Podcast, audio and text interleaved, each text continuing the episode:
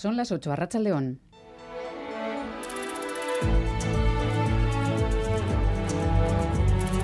Gambara con Miriam Duque.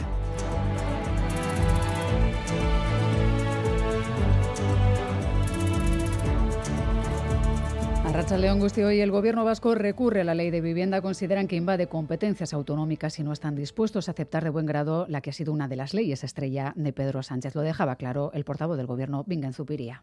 Eh, la ley de vivienda contiene varios preceptos que condicionan el autogobierno vasco en materia de vivienda y que existe, por tanto, una vulneración de competencias que corresponden a nuestra comunidad en virtud de la Constitución y del Estatuto de Autonomía. Se anuncia recurso ante el Constitucional y esto supone abrir una brecha, veremos si ligera o no, con sus socios de gobierno, los socialistas vascos, que insisten en que la ley complementa la ley vasca de vivienda.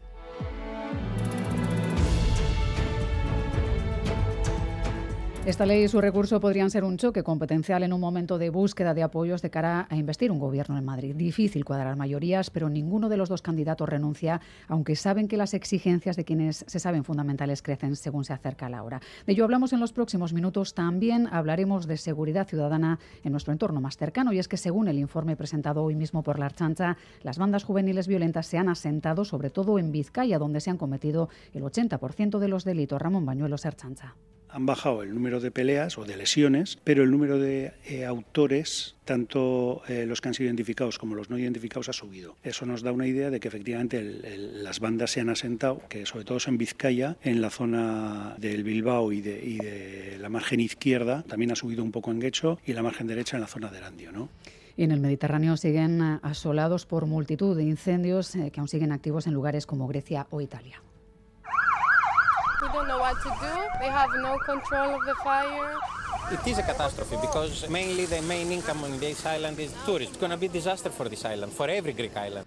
Bueno, un gran desastre que sigue activo en multitud de puntos al que seguiremos la pista en este informativo. Y hay que hablar también de la situación en carretera. Ander López Lerena, a León. A León, Miriam, miramos antes de nada uno de los accidentes más aparatosos porque en Vitoria-Gasteiz un camión ha colisionado contra el tranvía de la ciudad y ha sacado uno de los eh, vagones de las vías. Eh, sucedía hace escasos minutos en el puente de Avechuco con Avenida Azadorra. El servicio de tranvía está interrumpido en la capital alavesa entre Arriaga y Avechuco. Además, eh, atención en estos momentos en el corredor del Chorierri, es la Nacional 637 en Zamudio, sentido Erleche, donde se ha producido una colisión entre tres vehículos. Precaución en ese punto porque es eh, tendente a retenciones. Y en lo que al tiempo se refiere, tarde en a que los cielos han ido despejando y anuncios de algo más de calor a partir de mañana. Euskalmet, Mayaleniza.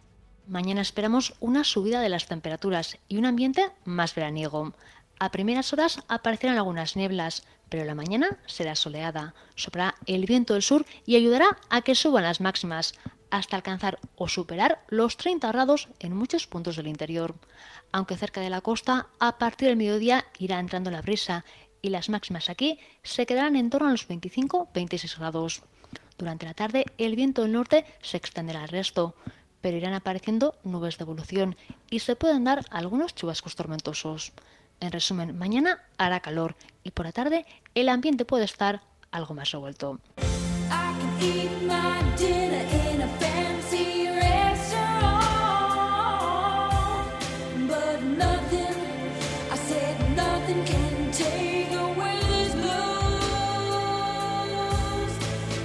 Ta-da! Ta-da! Nothing Compares to You y así les decimos que ha fallecido a los 56 años la cantautora irlandesa Sidney O'Connor. Lo acaba de anunciar hace menos de media hora el diario The Irish Times. La aclamada artista publicó hasta 10 álbumes de estudio, siendo esta canción su mayor éxito, un single que llegó a ocupar el número uno de las listas Billboard en 1990. O'Connor ha tenido una vida marcada por grandes éxitos, pero también por problemas psicológicos profundos que la mantuvieron alejada de los focos. Nos deja a los 56 años con temas como este.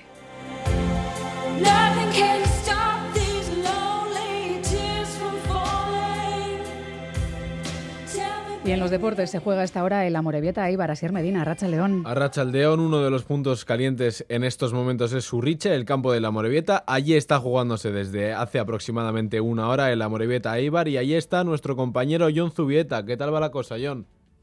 A Racha León, saludos desde Urriche, donde estamos ya en el minuto 2 de la segunda parte. Hasta el momento mucho movimiento en cuanto a juego y sobre todo en goles. Hemos llegado al descanso con ventaja para el equipo local de la Morevieta. Se adelantó precisamente en el minuto 4 por mediación de Sibo. No le duró mucho la alegría al equipo local porque en el 8 Troncho a la salida de un córner consiguió establecer el empate 1 y en el minuto 37 jugada perfecta individual brillante por parte de Carbonell servía para colocar el 2 a 1 en el marcador. Ahora estamos en el minuto 3 de la segunda parte con bastantes cambios. De momento en Urrichi no se muevan las cosas.